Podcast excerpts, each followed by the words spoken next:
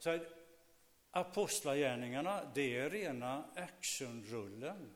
Det händer hur mycket som helst. Och idag så ska vi försöka urskilja Guds röst i det allt starkare bruset som omger oss som människor. Varför verkar det som att eh, eh, Bibelns människor fick så mycket i klartext utav Gud? Att de kunde höra och se och förnimma och lite granna känna, det är Gud som talar och gör det tydligt. Och varför kan man nästan aldrig känna och vara säker på att eh, Gud talar just till mig? Kanske är det mina egna önsketänkanden som jag använder, medvetet eller omedvetet. Nu börjar resan. Andas ut, tagga ner, nollställ dig och låt dig förbehållslöst föras ut på det här stora äventyret. Filippos är vår reseledare. Men en Herrens ängel visade sig för Filippos och sa till honom Gå ut på vägen som går ifrån Jerusalem genom Gazaöknen och som ligger öde och se till att du kommer dit mitt på dagen. Han gjorde det och där på vägen kom ingen mindre än Etiopiens finansminister, en man med stort inflytande hos Kandake, den etiopiska drottningen. Han hade rest till Jerusalem för att be i templet och nu var han på väg tillbaka i sin vagn och satt och läste högt ur profeten Jesajas bok. Den helige Ande sa till Filippos. Gå fram till vagnen och gå bredvid den. Filippos rusade fram och hörde vad mannen läste och frågade Förstår du vad du läser? Hur skulle jag kunna göra det när det inte finns någon som undervisar mig, svarade mannen. Och han bad Filippos stiga upp i vagnen och sätta sig bredvid honom. Och det var några verser ur Jesaja bok som han satt och läste. Och eh, så började Filippos då med utgångspunkt från den texten att predika de goda nyheterna om Jesus Kristus. Och medan de reste på vägen kom de till en vattendamm. Då sa mannen, titta där, där finns vatten, skulle jag inte kunna bli döpt där? Visst kan du det, svarade Filippos, om eh, du tror av hela ditt hjärta. Och mannen svarade, jag tror att Jesus Kristus är Guds son. Han stannade vagnen och tillsammans steg de ner i vattnet och Filippos döpte honom. När de kom upp ur vattnet förde Herrens ande bort Filippos och mannen såg honom aldrig mer. Men han fortsatte sin resa full av glädje. Filippos såg därför, sågs därför i, senare i Ashtod och i stad efter stad och vägen till eh, Caesarea förkunnade han de goda nyheterna. Och jag har alltså läst den här texten. Det är också nästan lite premiär för mig i gudstjänst. Handbok för livet, om du tyckte att det fanns några ord som eh, var lite annorlunda. Höga tjänstemän eh, vid den här tiden och, och gärna vid, i Etiopien de var ofta kastrerade. De hade därmed lite ljusare röst än eh, genomsnittet. Men de kunde ägna sig helhjärtat åt sin tjänst utan att ta hänsyn till familj och sånt. Eh, det var ju kanske en liten effektivare metod det här än eh, som vi kanske har sett man har i katolska kyrkan där är det celibat. Och eh, jag skulle tro att det är flera av oss här som för rätt många år sedan såg Törnfåglarna. med kardinalen som blev så förälskad i en vacker ung dam. Eh, men den här killen, han hade inte de möjligheterna då. Men han var tydligen tjänstledig, finansministern, för att tillbe i Jerusalem. Jag tycker det var generöst av arbetsgivaren. Och nu var han på väg hem med liksom häst och vagn. Det är ju en bra bit från Jerusalem och ner mot Etiopien. Han var en av dem som man brukar säga fruktade Gud och som nog hade en tro. Men han ville ha mer och veta mer.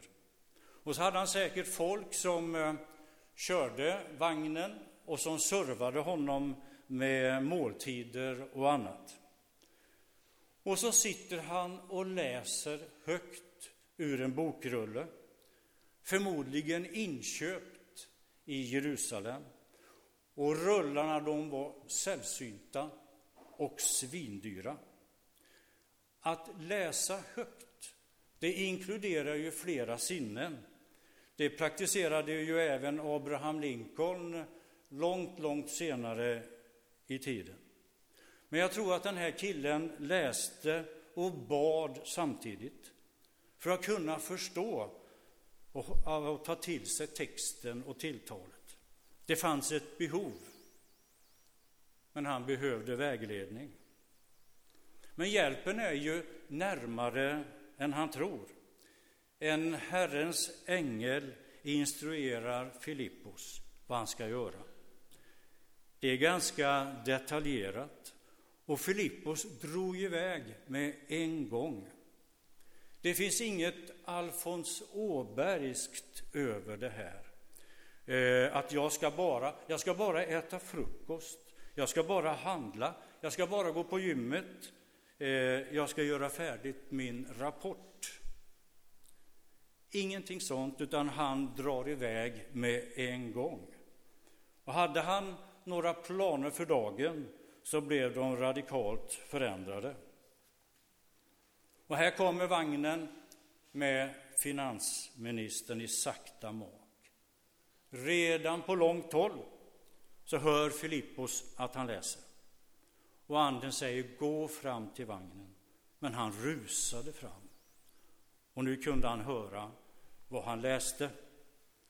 Alltså Filippos inväntade inte några ytterligare instruktioner utan nu är han på banan och nu skjuter han från höften för han ser behovet. Förstår du vad du läser? Och här tror jag att vi har embryot till eh, den första alfaträffen. Har ni tänkt på det? Eh, det är undervisning, han får ställa sina frågor, det är en livgivande dialog. Och eh, sen är det servering. Men den finns inte med i det här sammanhanget. Den kanske kom efteråt, vad vet vi? Om vi skulle byta plats med Filippos några ögonblick där han sitter bredvid finansministern i vagnen. Vad skulle vi berätta om den kristna tron? Vad har vi som vi skulle kunna dela med oss i all anspråkslöshet, men väldigt bra för den som behöver det? Fundera några sekunder. Vi ska inte ha någon redovisning som det är på kurser. Utan fundera lite, vad skulle du ha sagt? Ibland hamnar man ju i de situationerna och då kan det vara bra att ha det lite genomtänkt. Jag tror att vi kanske skulle ha tänkt och berättat om Guds kärlek att han sände sin son till oss. Berätta hur Jesus möter människor. Kvinnan vid brunnen till exempel, som eh, hade fått utstå så mycket hat och hot när Jesus möter henne. Bergspredikan i komprimerad form kanske vi också skulle kunna ta fram. Jesus som den gode herden, det, det tror jag är nästan ett måste i de här sammanhangen, att Jesus lägger lammet i sin famn så att de får känna hjärtslagen och andas ihop. Och det Jesus säger om sig själv, jag är vägen, sanningen och livet. Jesu lidande, död och uppståndelse, ljuset från den tomma graven som får lysa genom livet. Det tror jag också att vi kan plocka fram. Och Jesu nåd och kärlek som för oss genom livet och döden till det eviga livet tillsammans med honom. Något sånt tror jag att du och jag skulle kunna säga när vi eh, satt där bredvid hovmannen eller när vi möter människor på, på stan. Det är eh, häftigt vad det händer mycket på väldigt kort tid i den här mannens liv. Vad gjorde han med sin eh, nyvunna glädje? För visst känner vi igen den här glädjen att vara nykristen. Det skapade så mycket iver att berätta och dela med sig av det viktigaste som hänt i livet. Och jag har funderat lite grann, eh, är det möjligtvis så att den här evangelisationskänslan tunnas ut med åren? Ålder, erfarenhet och glädje och besvikelse så att den eh, första frälsningsglädjen reduceras. Kanske vi ibland inte vågar ta ut glädjen och alla möjligheter som tron ger. Kanske vi är rädda för att eh, avsaknaden av bönesvar kan sänka min tro. Kanske vi har byggt hinder som filtrerar bort Guds tilltal till oss. Är bruset från allting runt omkring är det så högt att det blockerar Guds tilltal? Vågar vi lita på att Gud håller sina löften? Men där någonstans i, eh, är ju inte finansministern nu i de frågorna. Han börjar få svar på frågor. Han börjar få svar på också de här andra följdfrågorna. Pusslet börjar ta plats. Han är upprymd över sina bönesvar och att det gick så snabbt. Det är en glädje som rymmer många dimensioner. Här sitter han med sin nyfunna och nyvunna tro på väg hem till sitt land och landets maktapparat. Ett bra tips är nog det att när han kommer hem så delar han naturligtvis med sig av det här. Och sen tänker jag också på Filippos. Han eh, var lyhörd för vad Guds ande ville göra med honom och med folket runt omkring. Det kanske inte är så tydligt alla gånger eh, det Gud gör i, för oss och i vår situation. Eh, det är inte säkert att det blir så spektakulärt och det är kanske inte heller troligt att vi får flyga som Filippos fick här. Enkel biljett ifrån eh, vägen här och eh, utan att köa i säkerhetskontroller. Men sen fick han gå. Det var inte gräddfil precis hela vägen. Man brukar säga så här att många av oss kanske har monotona arbeten. Men det här som Filippos fick vara med om, det är ju lite i häftigaste laget. Han hade ingen aning om vad som skulle hända resten av dagen eller i fortsättningen. Jag ska till sist ta upp en liten sak som eh, har berört mig ganska mycket och eh, handlar om att man kanske ska kunna lita lite mer på vad Gud säger till en. Det handlar om förberedelser för predikan, men jag tror vi kan ta till oss poängen. Jag hade min predikan den här gången klar redan på torsdag morgon. Och det var speciellt och det var skönt för det brukar vara lördag morgon tidigt annars. Och jag tycker jag var särskilt glad för slutet. Jag tycker jag hade lyckats att få till den här knorren och jag var fylld av förväntan, nästan som en Solvalla häst man fick hålla tillbaka. Ungefär så kände jag mig. Jag vill meddela det här med en gång, men nu var det några dagar kvar. Och så tidigt på söndagsmorgonen vid finslipningen, när man sitter och ber och funderar, vad står det här? Så fick jag en märklig känsla i magen.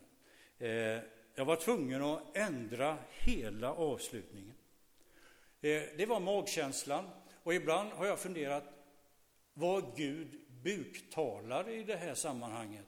Så jag fick känna just, nej det här, det kanske inte funkar, det ska vara något annat. Eh, så jag fick skriva om, ändra hela avslutningen och lite till. Det bara var så. Och efter gudstjänsten så hälsar jag runt. Då kommer det en eh, kvinna till mig och tackar för predikan. Det är kanske inte därför man hälsar runt, men det kan vara, bli en bieffekt. Och hon sa att hon var djupt berörd av någonting. Och jag undrar lite grann vad det var som speciellt hade berört henne, för att man får ju vara varsam i de här sammanhangen, för att det är ju eh, inget förhör som det handlar om. Den sista delen av predikan var precis till mig. Det var, det var precis som att det kändes i hjärtat, nu har jag fått någonting som jag behöver. Och så berättade hon att hon på morgonen hade bett till Gud att hon skulle få någonting som kunde hjälpa och vägleda henne i livet. Hjälpen var närmare än hon trodde. Och det blir någon form av dynamik mellan, eh, ja, i, inom församlingen och, och det här när man kan be om någonting och så händer det. För finansministern och Filippos återstår det en viktig sak. Jag skulle inte tro att det finns så mycket dammar på vägen här vid öknen. Det tror jag inte, men dammigt var det. Men han hittade en damm och eh, där fick han eh, krypa ner och där fick han bli döpt. Som den absolut naturligaste sak i världen. Skulle jag kunna bli döpt? Visst kan du det om du tror av hela ditt hjärta. Jag tror att Jesus Kristus är Guds son. Och jag tänker så här, här i gudstjänsten idag så kan vi fortsätta få känna den här samhörigheten med Jesus Kristus, Guds son. Och låta Guds nåd få genomströmma dig åter igen och ge kraft och mod att få möta den vardagen som är din och fortsätta din livsresa med en grundglädje som håller i liv och död. Det fanns en eh, asiatisk teolog som sa att vi har en fem kilometer i timmen Gud. Jag tror det ligger någonting i det, att eh, det här med brådska och stress, det kan vara ganska stora hinder för oss. Här sitter finansministern och han åker i sakta mak och Gud är med honom på ett särskilt sätt. Amen. Herre, tack för eh, exemplet som Filippos har fått eh, dela med oss den här dagen. Tack att du har lovat att vara med var och en av oss på den livsresan som är vår. Tack Herre för den nåd och den kärlek som du slösar över oss. I Jesu namn. Amen. Så ska vi sjunga psalm 89.